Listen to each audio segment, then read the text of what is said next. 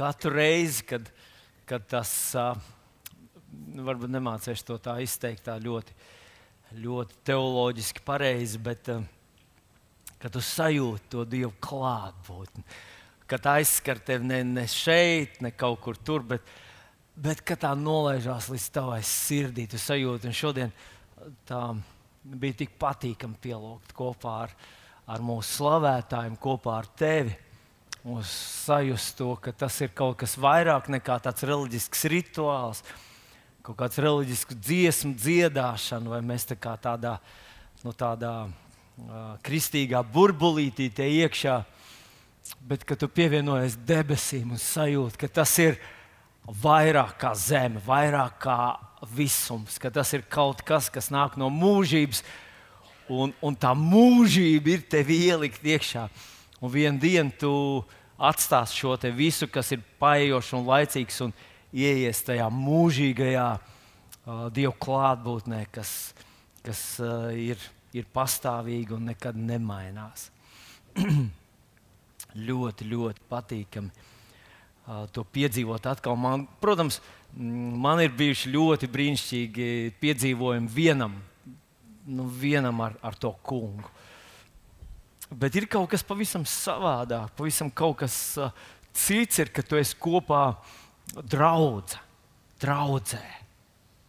Un es pat nerunāju par kaut kādu lielu pasākumu, kur mēs kādreiz skaitām galvas.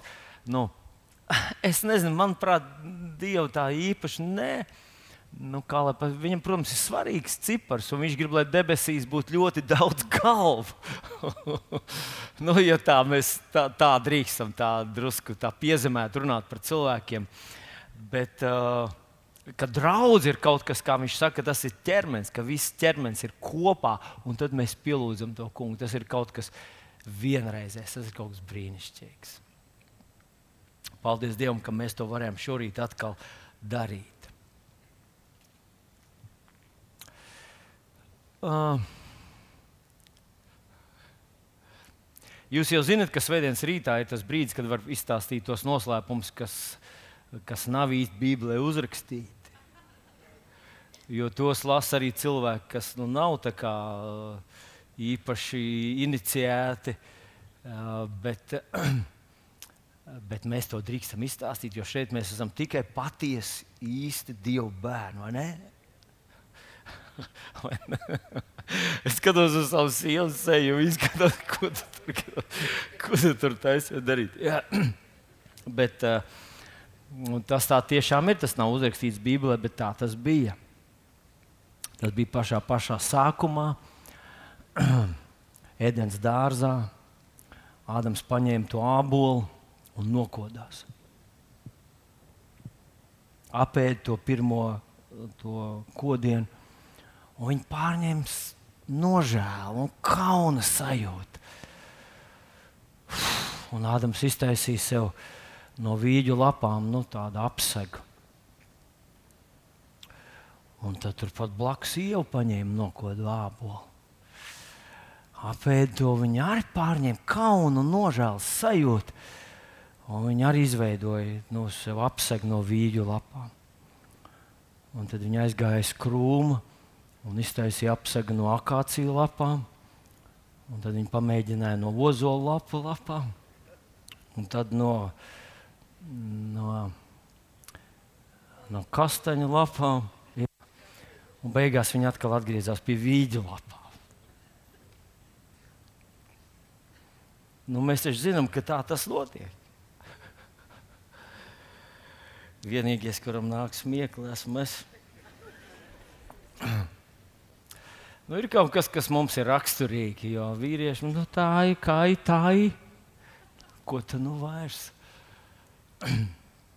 Bet mēs zinām, ka skaistais dzimums mēģina kaut ko ar vienu uzlabot. Šodien gribu padalīties ar jums ar kaut ko, kas ir ļoti raksturvietiņa, kas ir ļoti neraksturīgi Jēzum. Ja tu uzmanīgi lasi jauno derību, tu konstatē, ka Jēzus uh, runā, viņš runā. Viņš saka, ka viņa vārdi ir gars un dzīvība.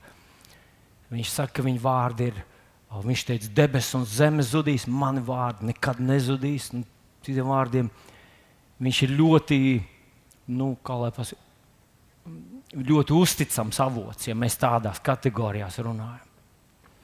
Bet ir atsevišķas reizes, kad Jēzus apstājas un kaut kā īpaši pievērš uzmanību tas, ko, tam, ko viņš saka. Nu, piemēram, vārdi patiesi es jums saku. Viss, ko viņš sacīja, bija patiesi. Bet tad ir atsevišķas reizes, kad viņš tā kā īpaši pievērš uzmanību. Jums var būt, var likties, ka tas, ko es saku, nu, ir pārspīlēti, bet tas tiešām ir patiesi. Nu, lūk, bet tad ir vēl viena īpaša reize. Un ļoti gribētu, ka šodien mēs ar jums to izlasī, izlasīsim visi kopīgi. Un man ļoti gribētos, ka arī tu mazliet padomātu pats individuāli ar to, ko tad Jēzus ar to tādā veidā mums grib pateikt. Un tā ir raksturvietiņa, kas ir uzrakstīta Jāņa Evanģēlijā 14. nodaļā. Jāņa Evanģēlijas 14. nodaļa no 12. panta sākot. Un tā tad mēs lasām, kas tur ir rakstīts. Jāņa Evanģēlijas 14. 12. Patiesi es jums saku, Tātad patiesi, patiesi es jums saku, viņš atkārto divas reizes, kas man tic, tas arī tos darbus darīs. Un vēl lielāks par tiem darīs, jo es noemu pie tēva. Nākamais pāns, 13. pāns. Un visu, ko jūs lūgsiet manā vārdā, to es darīšu, lai tēvs tiktu pagodināts dēlā. Izlasīšu vēlreiz šo 13. pantu. Un visu, ko jūs lūgsiet manā vārdā, to es darīšu, lai tēvs tiktu pagodināts dēlā. Un pēdējais pāns, kuram mēs pievēršam uzmanību šajā rītā, ir 14. pāns, un tur ir uzrakstīti tādi vārdi: Ko jūs lūgsiet manā vārdā, to es darīšu. Es mēģināšu izlasīt vēlreiz visus tos pantus, visus trīs pantus, neatdalot vienu no otra. Tātad, Jānis 14, 12. Patiesi, patiesi es jums saku, kas man tic, tas arī tos darbus darīs, ko es daru, un vēl lielāks par tiem darīs, jo es noemu pie tēva. Un visu, ko jūs lūgsiet manā vārdā, to es darīšu lai tēvs tiktu pagodināts dēlā. Ko jūs lūgsiet manā vārdā, to es darīšu.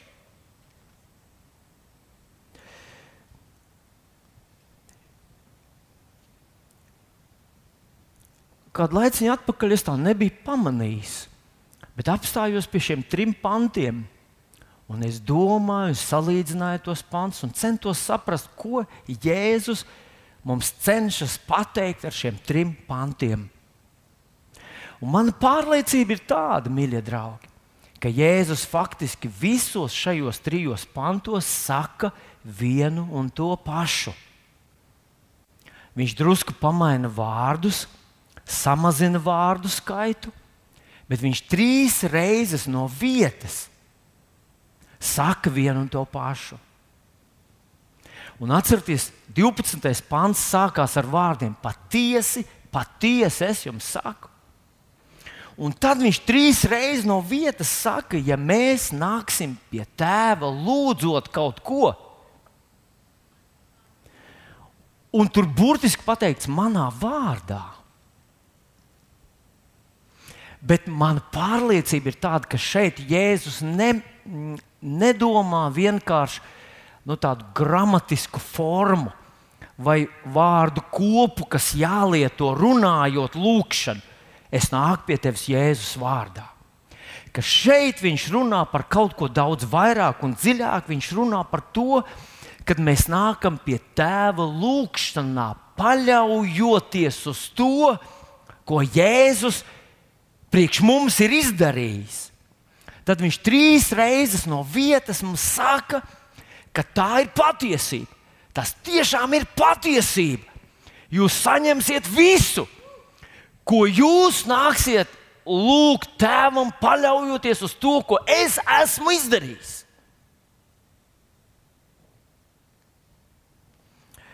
Ar ko mēs varētu salīdzināt? Kas ir kaut kas tāds, ko mēs? Ko mēs varētu pielīdzināt? Nu, ko Jēzus, kas ir tas pārliecināšanas paņēmiens, ko Jēzus šeit pielieto? Un es atceros, kādu laiciņu atpakaļ es uh, stāstīju un, un mēģināju ilustrēt kaut ko no savas jaunības, no savas puiku dzīves. Kad mēs teicām, dod zobu ķīlā, zobu dod. Un tas mūsu puiku pasaulē nozīmēja, viņš runā godīgi. Viņš deva zobu par to. Nu, kā, nu, protams, neviens nevienam nekad zobu neizsita, bet tas bija mūsu arguments. Tas bija lielākais arguments, kas manā puikas bērnībā bija. Es kaut ko kāds man neticēja, es teicu, dod zobu ķīlā, ka tā ir, kā es saku.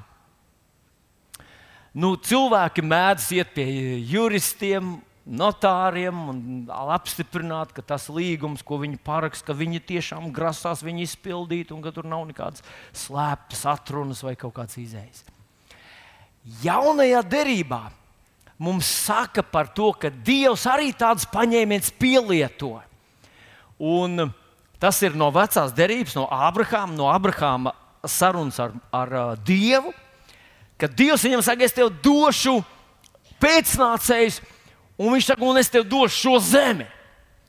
Un tad Dievs, nu, par cik jūs, mēs visi zinām, ka pirmoreiz Dievs uzrunāja Abrahāmu par to, ka viņam būs apsolījuma dēls, kad viņam bija 75 gadi. Bet viņam piedzima dēls reāli tad, kad viņam bija gandrīz 100 gadi. Tā kā tie ir, tie ir 25 eh, gadi, gandrīz 25 gadi. Un noteikti, Abrahamam bija tā sajūta, ka, hei, Nu taču es kaut ko nesaprotu. Es nesaprotu, vai tas, ko tu saki, ir tas, ko es dzirdu, un vai tas, ko es dzirdu, ir tas, ko es saprotu, tas, ko es domāju. Tad viņš piemin, eh, lietoja tādu paņēmienu, kā. Jā, ne, tas nebija tas. Viņš lietoja tādu paņēmienu, ko ebrejiem 6, 17 aprakstīts gribēdams apsolījumu mantiniekiem vēl vairāk parādīt savu negrozāmo gribu, Dievs to apstiprināja ar zvērstu.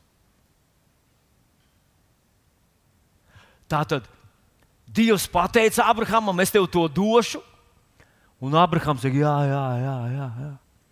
Bet es gribu, lai tu tici. Un Dievs to apstiprināja ar zvērstu. Dievs zvēr. Un tad Viņš tur raksta, ka cilvēks vēr pie kaut kā lielāka. Nu, pie mātes kapa kādreiz ir dzirdēts. Tur pie, nezinu, pie uh, savu bērnu dzīvības ir kaut kāda tie pavisam tāda zvērsta, kurus cilvēki izsaka. Nu, tu saproti, ka tas ir nopietni. Pie kaut kā tāda svarīgāka, lielāka.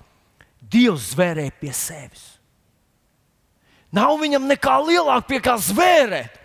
Viņš zvērēja pie sevis, ka tu to dabūsi, es to došu tev, tu to saņemsi, ja tu paliksi man uzticams.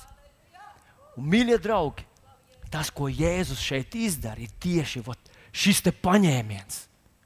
Vispirms viņš iesāk, patiesi, patiesi es jums saku, un tad viņš trīs reizes saka vienu un to pašu. Ja jūs nākat pie tēva kaut ko lūgdami, balstīdamies ne vienkārši izrunādam vārdus, bet balstīdamies tajā, ko es esmu izdarījis, jūs to dabūsiet. Ja jūs tēvam kaut ko lūgsiet, balstīdamies tajā, ko es esmu priekš jums izdarījis, jūs to dabūsiet, lai tēvs tik pagodināts dēlā. Un viņš vēl trešo reizi saka, ko jūs lūgsiet, balstīdamies. Es saku saviem vārdiem, bet manā vārdā, tajā, ko es esmu izdarījis jūs to dabūsiet. Viņš grib, lai tu un es esam pārliecināti par to. Lai mēs zinām, ka tas ir nekļūdīgi, nemaldīgi, ka tas nav iespējams, ka tas nepiepildās. Nu, nu mēs zinām, ir kaut kāda fizikas likuma, kaut kādas tur, tur zemes um, gravitācijas un tā tālāk, kas darbojas. Kādreiz mēs tās sajūtam, kādreiz nē, bet tās darbojas nekļūdīgi. Tas šis ir daudz drošāk un, un, un noteiktāk nekā visas citas lietas. Tā kā Jēzus tev teica, tev teica, ja tu kaut ko lūdz tēvam, balstīdamies tajā, ko es esmu izdarījis priekš tevis, to tu dabūsi. Vai, vai tādā veidā viņš atceļ ticības likumu? Nē, protams, ka nē. Mātei 21, 22. Viņš teica, visu, ko jūs ticībā lūgsiet. Un tas visu, ko jūs ticībā lūgsiet, to jūs dabūsiet. Tas ietver visādus lūgšanas veidus. Nav tādu lūgšanas veidu, kur tu varētu vienkārši lūgt bez ticības. Un kas atbild? Nē, tā tad tas nozīmē, ka ticībai ir jābūt iesaistītai. Manuprāt, viens no argumentiem, kāpēc viņš gribēja, lai tu esi par to pārliecināts, lai tu neapšaubi viņa vārdus, ir tāpēc, lai tu varētu viņam ticēt. Un, protams, kā tu vari zināt, ko Jēzus priekš tevis ir izdarījis? Kā mēs varam zināt? Tas ir uzrakstīts. Tā kā uh, mums vajag gan, gan Dieva vārdu, gan ticību, bet ja mēs nākam pie Tēva, paļaudamies uz to, ko Jēzus priekš mums ir izdarījis, mēs vienmēr varam saņemt atbildi. Varam būt pārliecināti, ka atbilde ir ceļā, būs, uh, ka Dievs no savas puses to nekavēsies atbildēt un dot. Vilni aizskrien no notikumiem priekšā. Vilni, vai, vai, vai, vai varbūt kaut kas, kas traucē man saņemt to atbildi, ko Dievs man devis? Jā, kaut kādas no tām lietām var būt. Bet mēs zinām, ka šeit ir atbilde, ka Jēzus saka, ka Dievs jums to dod. Dievs dod. Dievs dod. Mīļie draugi, mēs esam šajās iepriekšējās svētdienās runājuši par to, par dāsno Dievu, par to, ka Viņš ir mums devis līdz ar Kristu ļoti daudz. Bet šodien man gribējās paskatīties to, kas tad ir tas svarīgākais, kas tad ir tas nozīmīgākais. Pirmais, ar ko sākt, ja es ticu, ka nākot pie Dieva, es atrodu rakstos, ka Kristus man to ir dāvinājis. Kas tad ir tas svarīgākais, ar ko man vajadzētu saņemt no Viņa? Ko man vajadzētu, pirmā lieta, ko man vajadzētu lūgt, balstoties Jēzus upurī.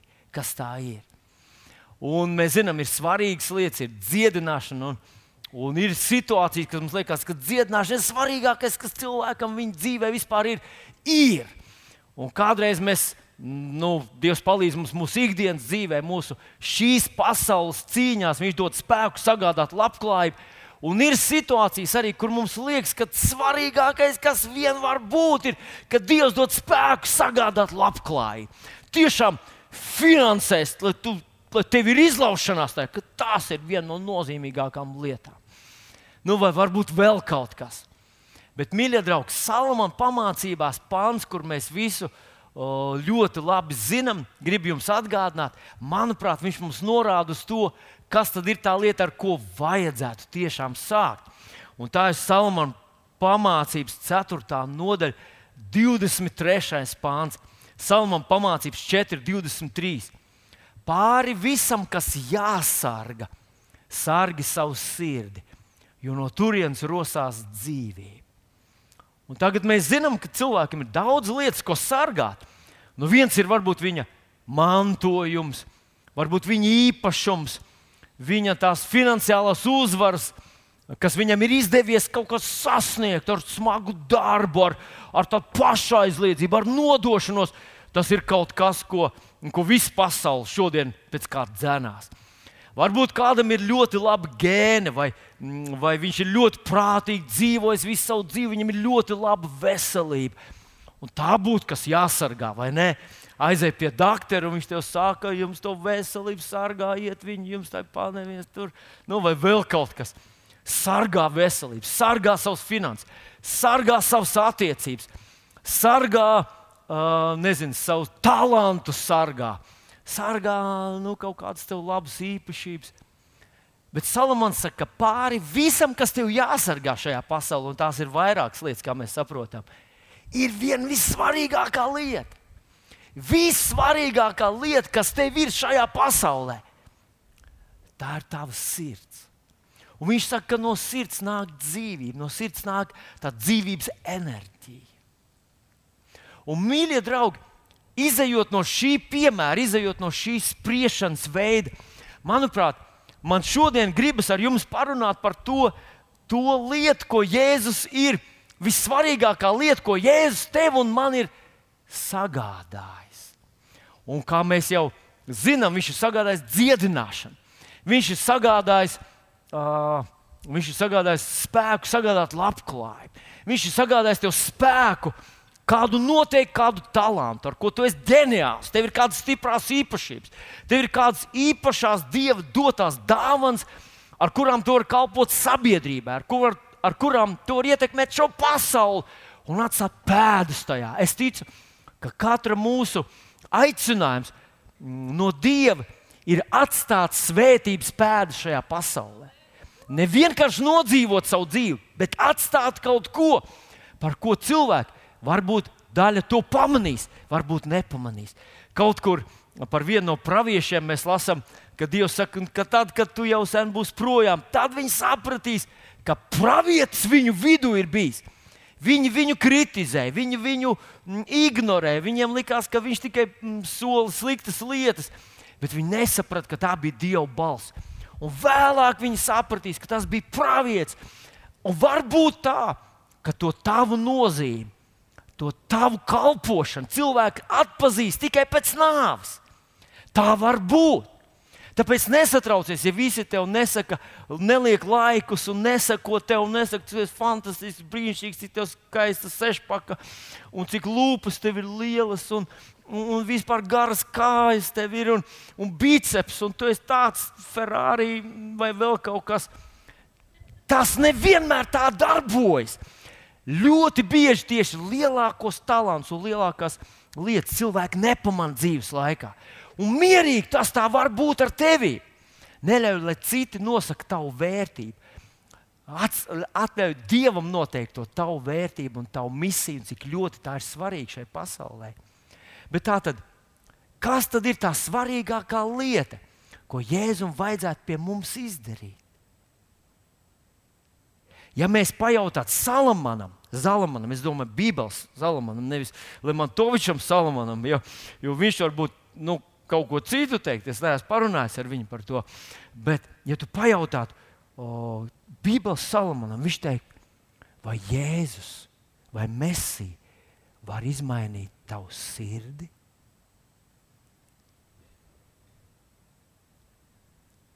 Vai viņš var? Tas būtu lielākais, kas var notikt ar tevi, ka viņš izmaina tevi, tavu iekšējo būtību.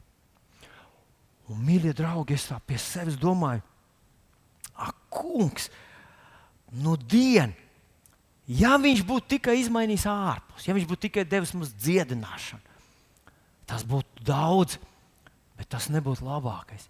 Ja viņš būtu vienkārši mums piešķīris spēku, sagādāt labklājību, vienkārši nolicis mūs šajā pasaulē, mēs esam noderīgi un par svētību un tā tālāk. Bet viņš nebūtu izmainījis mūsu iekšpusi, mūsu sirdi. Man liekas, viens ļoti, ļoti liela lieta mūsos būtu nu, neizdarīta. Bet Jēzus, bet Jēzus, bet Jēzus izmainīja pašu, pašu svarīgāko lietu, kas tavā pasaulē tev ir. Viņš izmainīja tevi. Viņš ir pārmainījis tevi. Kad tu pieņem Jēzu par savu kungu, viņš izrāva no tavām krūtīm akmens sirdi. Saku, es neko nejūtu. Kad tev aklo zārnu operē, nu tagad jau gan vairs tā nedara lokāla anestezija, bet savā laikā bija pilnā anestezijā. Viss, ko tu redzēji pēc tam, kad tev tur ir pārgriezts kaut kas. Un uh, nejūti, kā to izdarīja. Kad Dievs izņēma ievu no Ādama, Ādams arī teica, es neko nejūtu.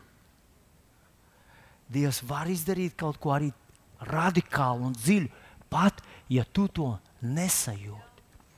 Un tajā dienā, kad tu pieņem Jēzu par savu kungu, viņš izdarīja radikālu operāciju. Viņš izņēma no tavām krūtīm veco akmens sirdi un ielikt tur jaunu dieva bērnu sirdi. Kā mēs lasījām Jāņa Evanģelijā 1, 12, 13, tu esi dzimis no dieva. Ne no asinīm, ne no vīra iegribas, ne no miesas iegribas, bet no dieva. Mēs ar tevi esam dzimuši no dieva. Viņš mums ir devis savu bērnu garu, Dieva bērnības garu mūsu sirdī. Tevī iekšpusē ir Dieva bērnības gars, Dieva bērna gars, Dieva bērna sirds. 1. Jāņa 4,17 saka, kāds viņš ir, tādi, tāds tu esi šajā pasaulē.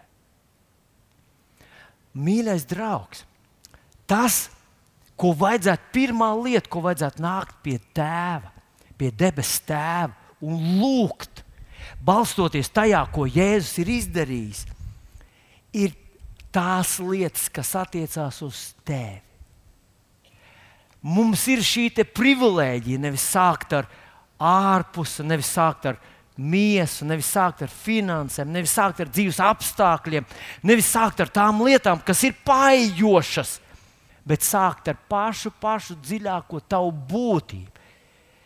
Tev ir un man ir privilēģija sākt saņemt no Dieva lietas, kas ir mūsos dziļi iekšpusē, tavā sirdī, tevī Dievs ir izmainījis šīs lietas. Jēzus tās ir izmainījis. Un tu un es, mēs tās varam atnākt pie viņa un saņemt.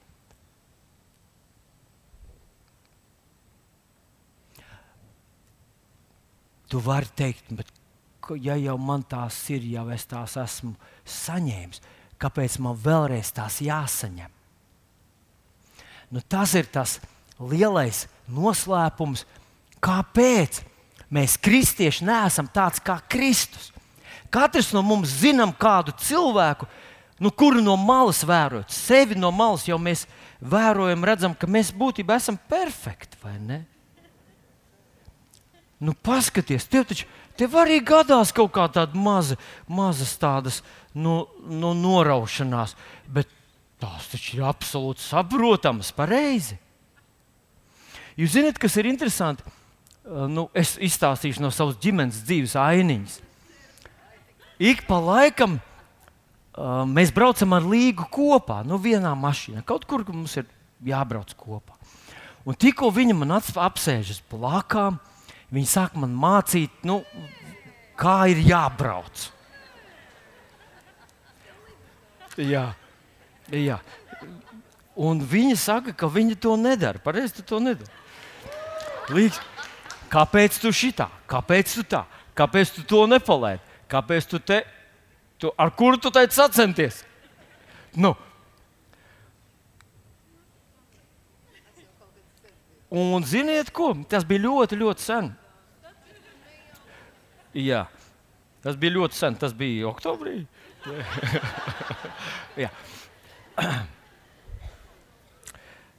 Kāpēc es to saku? Jo redziet, kad es iekāpu viņas mašīnā, viņai blakus. Es domāju, ka es dodu padomus. Es nemācu. Es vienkārši viņa to nezinu. Es viņai saku, redz, kā te, un redz, kā tur, un redz, kā tas, un tā tālāk. Un es konstatēju, mīļie draugi, ka tad, kad es kādu nu, piespiežu, es vispār to nejūtu. Es to nejūtu. Es tādā svētā, šķīstā vientiesībā, gara vadībā braucu pa Rīgas ielām, vienu nepalaižu, vienam uzpīpinu. Mans dēls saka, ka es lietu, viņš nezina otru cilvēku Rīgā, kurš lieto tik bieži nu, skaņas signālu. Bet jūs zināt, ka, ja tas mašīnā ir ielikts, tad viņš ir jāliek. Domāts, lai cilvēki lieto. Jo, ja tev ir mašīna bez skaņas signāla, vienīgais, ko darīt, ir kliegt. Bet tu uzpīpini, tu saki, man ir pip,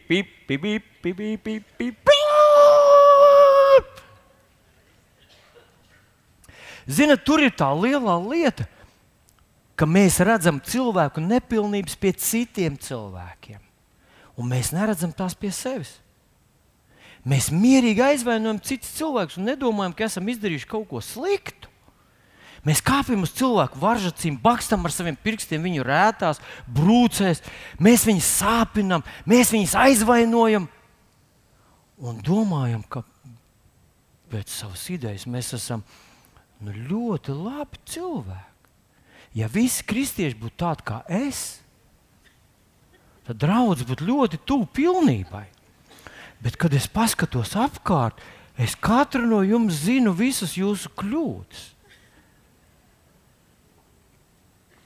Nu, labi, tos, kas drusku tālāk sēž, tos mēs nezinām, bet tie, kas vistuvāk sēž, to kļūdas mēs zinām. Un tas ir tas lielais, tā lielā lieta. Atskārsme un atklāsme, ka es neredzu sevi, ka man vajag, lai man kāds no malas man pasakā, Vilni, tu mani sāpināji, Vilni, tu brauc nepareizi. Man īstenībā tas ir tik svētīgi, ka tev kāds apsēžas blakus un saka, paldies Dievam, ka tev nav aizmugurē uzrakstīts uz mašīnas mācītājs. Paldies Dievam, ka cilvēki nezina, ar kādu mašīnu to brauc. Jo, ja tavu draugs cilvēki redzētu tevi, viņi vairs nenāktu uz draugu.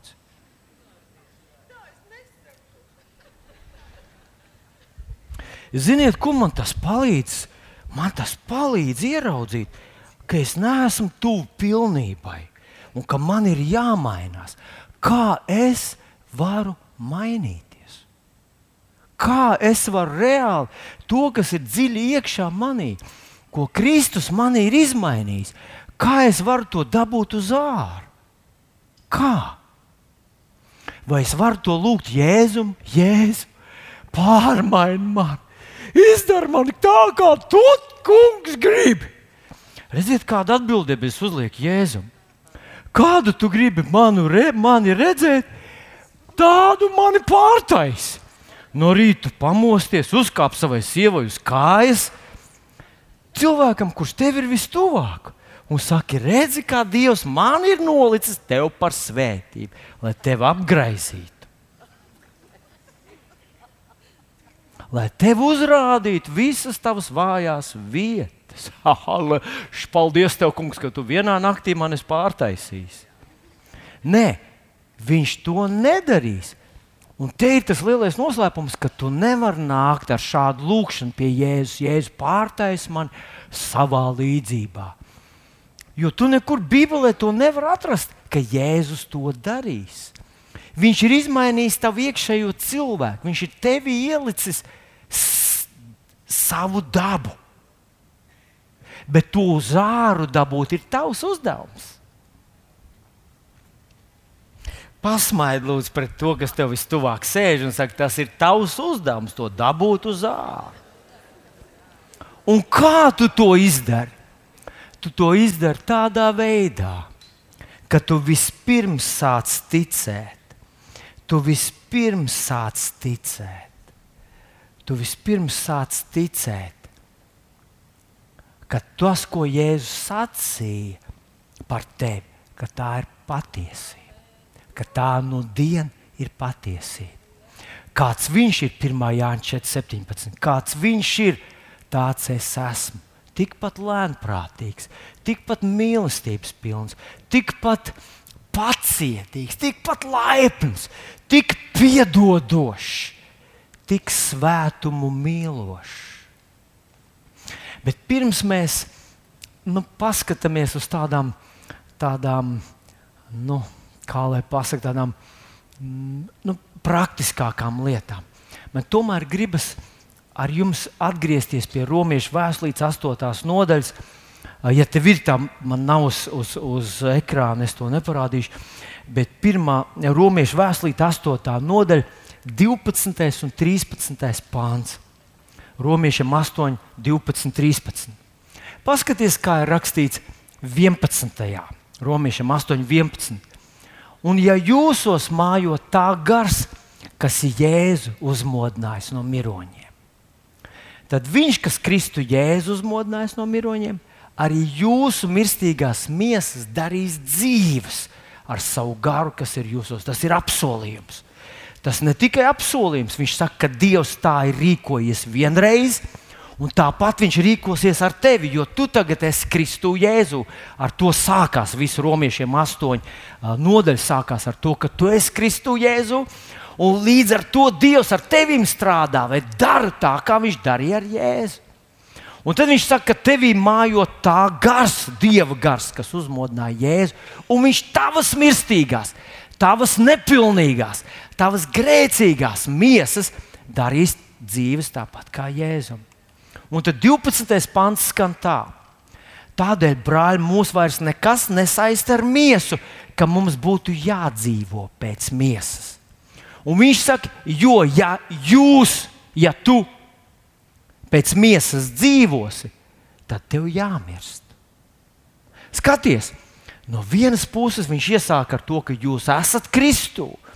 Viņš turpina, un jūsos mājo tā gars, kas Jēzus modinājis no miroņiem. Tad viņš saka, un tāpēc vairs nedzīvojiet pēc miesas. Ja jūs dzīvosiet pēc miesas, ar visu to, ka tu esi Kristu, ar visu to, ka tev ir tas augšām celšanās gars, ja jūs dzīvosiet pēc miesas, jums jāmirst. Nu, ko nozīmē pēc miesas dzīvot? Nu, vispirms tas nenozīmē uzreiz slaktēt, lamāties, pārkāpt laulību, laupīt banku, nezinu, ko visu apvainoties, un sarūktināties, un ikrus uz visām pusēm, un pa ielu braukt tā kā tādam. Mm, nu, tā, tā, jā. Tas to nenozīmē. Pēc miesas tas var nozīmēt, ka tā ir miesa, bet pēc miesas dzīvot, dzīvot vienkārši dabīgajā. Un pirmā lieta ir nākt pie Dieva saskaņā ar saviem nopelniem. Atcerieties, Jānis 14, 13. Ja mēs ko lūdzam Jēzus vārdā, vai balstoties uz to, ko Jēzus ir priekš mums izdarījis, tad jūs to dabūsiet. Bet, ja tu nāc balstoties uz to, ko tu esi izdarījis, nu, piemēram, šo nedēļu tu cītīgi lasīji Bībeli, un vienu dienu tu pat izlaidi, es varbūt drusku ironizēju. Nu, labi, teiksim, šonadēļ tu trīs dienas gavēji, un visu nedēļu lasīji Bībeli, un pārved cilvēku pāri pie sarkanās gaismas. Kādu... nu, nu, izdarīja, izdarīja kaut ko labu. Un tev ir tāda sajūta, ka šajā nedēļā Dievs ir ar tevi apmierināts. Zini ko? Tev varbūt tas palīdz nākt pie viņa lūgšanā, un tāda ir tāda, zinām, tāda jau tā kā tāda, nu, tāda attieksme ar strādnieku attieksmi, jau nopelnīta attieksme, un lūdz kaut ko maziņu. Zini ko? Tava lūgšana ir nolemta tu neko nesaņem no viņa. Jo, ja tu sāc paļauties uz saviem darbiem, tev jāpaļaujas visā uz sevi. Un tas nozīmē, ka no Dieva tu saņem tikai lāstu un sodu. Tas ir vispirms tas dzīvot miesā. Ja jūs pēc miesas dzīvojat, tad jums jāmirst. Bet, ja tu balsties tajā, ko Kristus ir izdarījis, tad vienā dienā tev ir šī sajūta, ka tu kaut ko esi labi. Tu esi nodzīvojis vienu labu nedēļu. Zini ko? Tas ir labi. Tas no dienas ir labi. Bet, kad tu nāc pie Dieva, tu zini, ka viņa standarti ir tik ļoti augstu, ka tā tam nedēļa itin neko nenozīmē salīdzinājumā ar Dieva standartiem. Vienīgais, kas tev patiešām dod pamatu ar drosmi, ar pārliecību, kā bērnam nākt pie viņa. Ir tad, ja tu saki, bet es nāku balstoties tajā, ko Jēzus izdarīja. Viņš samaksāja manus grēkus, viņš paņēma manu sodu, viņš salīdzināja man, viņš dāvināja savu statusu man, un es nāku taisns, tāpēc ka Jēzus ir man darījis taisnu. Un Dievs, kurš ir gars, komunicē ar tevi garā. Atcerieties, viņš meklē tos, kas viņu pielūdz garā un patiesībā. Mums ir saprotamāk, ja mēs tā kā miesā, kungs, visu šo nedēļu man miesa ir, ir labi kalpojusi, un Dievs nerunā tevi tajā, tajā mm, frekvencē, kas saucās, es kaut ko labu miesā esmu izdarījis. Viņš tevi redz caur Jēzu Kristu un garā, viņa acīs, tu esi taisnots. ja tu balsties tajā, ko izdarījis Jēzus.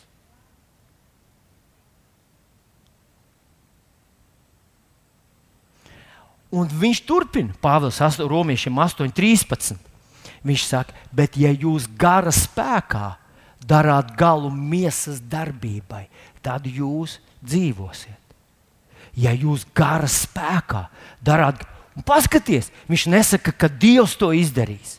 Viņš nesaka, svētais gars to izdarīs. Viņš saka, ja jūs gara spēkā darāt galvenais darbībai, tas nozīmē, ka bumbiņa ir tavā un manā pusē. Tas ir mūsu uzdevums, mūsu pienākums un mūsu atbildība, to mūsu miesas ambīciju. Un to mūsu miesas mentalitāti nolikt pie malas un paļauties uz viņa, paļauties uz viņa dimensijām, uz viņa argumentiem, paļauties uz viņa spēku. Ja jūs gar spēkā darāt galvenais darbībai, tad jūs dzīvosiet. Es pateikšu citiem vārdiem to pašu. Citiem vārdiem viņš saka, ka jūsos ir pastāvīga un konstanta mīsīga uztvere, mīsīga sajūta un mīsīga domāšana. Un viņš saka, ka tā ir ienaida ar Dievu. Tā nespēja paklausīt Dieva likumam, jo viņas daba ir pilnīgi pretēji. Ir daļiņa tevī, kas ir pilnīgi pretrunā ar Dievu. Viņa nesaprot, nevēlas, un viņa gribētu pārtaisīt visu to Dieva sistēmu, sev saprotam. Un, ja tu tajā dzīvo, tu nekad nevari trāpīt pareizās lietās, Dieva lietās. Bet tikpat tikpat monolīta, tikpat patstāvīga, tikpat reāla tevī ir tā būtība, ko Jēzus tevī ir ielicis. Un tas ir tas, kas ir dzimis no Dieva. Tā ir tā Dieva bērnība. Tā ir dziļākā tava sastāvdaļa vai tava sirds kā mēs to saucam jaunajā derībā. Un tas ir tas, kas ir dzimis no Dieva, tas Dieva bērns, tas jaunais radījums, kā 2. korintiešiem 5, 17. Pāvils saka, jo kas ir Kristū, tas ir jauns radījums, kas bijis, ir pagājis, viss ir tapis jauns. Tas ir tevī. Un tagad mēs ar tevi esam pa vidu. Savā dvēselē mēs esam starp to mīsīgo. Mums ir dabiski saprotamo un to garīgo, kas ir vārdā, kas ir tas, ko Kristus ir priekš tevis izdarījis, ko mēs varam izlasīt Dieva vārdā. Ka Jēzus teica, patiesi, patiesi, ja jūs balstāties tajā, ko es esmu priekš jums izdarījis, jūs vienmēr dabūsiet atbildi. Jūs vienmēr redzēsiet rezultātu. Dievs vienmēr to apstiprinās. Un tagad mēs esam pa vidu starp to. Ja es dzīvoju vienkārši pēc vecā standarta, es nevienmēr to sajūtu, bet tas čakarē man dzīvi. Piedodiet par tādu neglītu vārdu.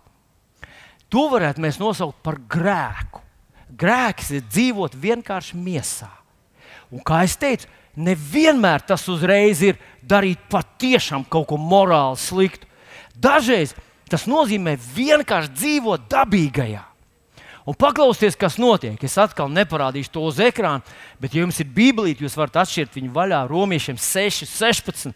Apstults Pāvils saka tādus ļoti stiprus vārdus romiešiem 6, 16. Viņš saka, jo uh, vai nezināt, ka tam, kam jūs sevi nododat par paklausīgiem kalpiem, jums arī kā kalpiem jāklaus. Un tad viņš turpina. Vai nu grēkam uz pazušanu, vai nu jūs nododat sevi grēkam uz pazušanu, vai paklausībai dievam uz mūžīgo dzīvību. Tā tad, kas, ko viņš cenšas pateikt? Viņš cenšas pateikt, ka tad, kad es daru grēku, kad es daru grēku, es tā kā dodu vēlnam varu pār savu dzīvi. Jūs zināt, ir tāds teiciens, ka grēks dzemdē grēku. Ka grēks ir kā ķēdītei, viens posms, tu pavelc, bet tur vienmēr nāk līdzi nākošā lietiņa un nākošā lietiņa. Un tas, tas nekad nebeidzas, ja mēs to ar spāru, ar ticību, ar tādu ar pareizu attieksmi nepārcērtam. Un ebreju vēstulītes pirmā nodaļā, 9. pantā par Jēzu ir teikts, ka viņš mīlēja taisnību un ienīda netaisnību. Un tas nozīmē, ja es esmu dzimis no Dieva, man ir šī viņa daba, tad man ir šī mīlestības taisnība un ienaids pret netaisnību, ienaids pret grēku. Manī tā daļa no šīs daļas, no dabas, kur Jēzus man ir ielicis. Un savā dvēselē esmu pa vidu. Un mīlēs, saka, vai cik tas būtu brīnišķīgi sagrēkot. Cik tas būtu saprotami, vienkārši dzīvot pēc tā, ko mēs redzam, varam pašam būt pēc tā, kā tas vispār ir dzīvē. Paskaties apkārt, cik daudz skaistu un gudru cilvēku tieši tā arī dzīvo. Tavs gars saka, nē Tas ir pretrunā ar mums. Es ienīstu grēku, es ienīstu kompromisu. Nu, paņemsim kaut kādu tādu, nu, kaut kādu tādu rupjāku grēku, lai mēs visi varētu asociēt, teiksim, nozagt. Tu vari kādam kaut ko nozagt, un neviens tev nepieķers. Un, teiksim, tu vari bankā nozagt bankā, kas ir izputinājis, ziniet, visu to stāstu. Tik daudz cilvēku. Un tad tu ienāc vienā apkopējas istabā, un tur stāv kofers, nu, telefona maisiņš, jā, pilns ar naudu. Un tagad tam miesa paņem, viņa ir tik daudz aplaupījis, iedomājies, cik daudz labu darbu tu varēsi izdarīt ar to. Un tas svēts arguments, pareizi. Bet tavs no dieva dzimušais iekšā tevī saka, nē, mēs to nedarām es ienīstu grēku, es mīlu taisnību. Ja Dievs mums to nedod, mums to nevajag. Un tagad tu esi pa vidu. Tu esi pa vidu starp šito un to. Un kā gribas tev mutēs iekals, un tu iedomājies, cik daudz tev vajag, cik daudz tu labi izdarīsi, un kā tu visiem palīdzēsi. Ko? Neviena roka, viena roka ir. Jā, es to izdarīju. Es te uzņemšu to grēku. Jēzus to nedarītu. Un, ja Jēzus to nedarītu, viņš saka, lai tu to nedari. Zini, kas notiks? Kad tu paņemsi, būs nākamais posms, un nākamais posms, un nākamais posms. Un tu, tu dosi varu pār savu dzīvi. Grēks iedod ienaidniekam kaut kādu varu pār tevi. Un tas vēl, tu varbūt uzreiz nejūti, bet tas mazliet te velk, vēl velk, vēl, vēl, vēl. vēl. vēl. Nevelti ir rakstīts, ja mēs viņu aizliegsim, viņš aizliegs mūs. Es neatceros, tur otrā Timotejam, otrā nodaļa, 11. pāns, laikam bija, kur viņš saka, ja mēs esam līdzi miruši, līdzi dzīvosim, ja mēs eh, līdzi ciešam, līdzi valdīsim, ja mēs aizliegsim, viņš aizliegs mūs. Es biju jauns kristietis, un es domāju, nav neviena, es neesmu nevienu redzējis, izņemot savā dzīvē, vienu cilvēku, kurš aizliedz Kristu. Tas bija māt, bijušais mācītājs, kurš teica, nē, tur Un tad vēlāk viņš teica, es esmu to pazaudējis, viss tas man ir cauri. Bet kā tas notiek? Tas notiek solīt pa solītam. Varbūt arī esat dzirdējuši, nesen viens uh, ievērojams kristīgs rakstnieks vienā dienā nāca ar paziņojumu, ka viņš vairs negrib, lai viņu identificē ar kristietību. Viņš vairs negrib neko ar to kopēju. Viņš vairs nav tas, kas viņš bija. Kā tas notika? Kā tas notika ar vienu talantīgu cilvēku, kas uzrunājis tūkstošus cilvēkus, kas ar savu liecību, savu stāstu, ar savu dāvanu ir kalpojis daudziem? Kā tas varēja notikt? Tas varēja notikt ļoti vienkārši, ka viņš ne, nepaklausīja šim dievu ieliktai dabai. Viņš nepadevās tam dievu ieliktam garā ieliktam, tam mīlestībai uz taisnību un ienaidam pret netaisnību. Viņš sāk flirtēt ar grēku, un tas lēnām, lēnām viņa aizvilka tur, ka viņš atteicās. Atteicās no Kristus. Un tad viņš, ja mēs viņu aizliegsim, viņš aizliegs mūs. Tas nav joks flirtēt ar grēku. Tas nav nevainīgi. Tas ir ļoti viltīga vēlna metode. Tas tā kā tie azartspēļu īpašnieki ļauj pirmo reizi tev vinnēt, ļauj otro reizi tev vinnēt, bet viņiem ir viens konkrēts uzdevums un mērķis, kāpēc viņi to dara. Viņi grib tevi savaņģot. Un tieši tas ir tas, ko dara grēks. Mīļais draugs, šajā rītā es gribu teikt, ka tev ir visa dieva pilnība. Viņi ir tavā garā. Tev ir ticība. arī tajos grūtajos brīžos, arī tajos sarežģītajos brīžos, arī tajos, kad pasaule, kad debesis jaucās ar zemi kopā, ka liekas, ah, viss nevaru. Šeit Tev saka, nevaru, kur tu vēl vari var ticēt par dēlu. Pagājuši 25 gadi, viņš tikai sola, un tu tikai naivais lasi apsolījumus. Bet te blakus ir, ja Dievs tā teica, es tam ticu, man vienalga, ko pasaule saka. Un Abrahams paklausīs šim, un tas viņu padarīja par ticības vīru. Tu un es, mēs katru dienu esam šīs izvēles priekšā. Kas tu esi? Kas tu esi. Un tev jāatcerās, ka Jēzus izmainīja tevi.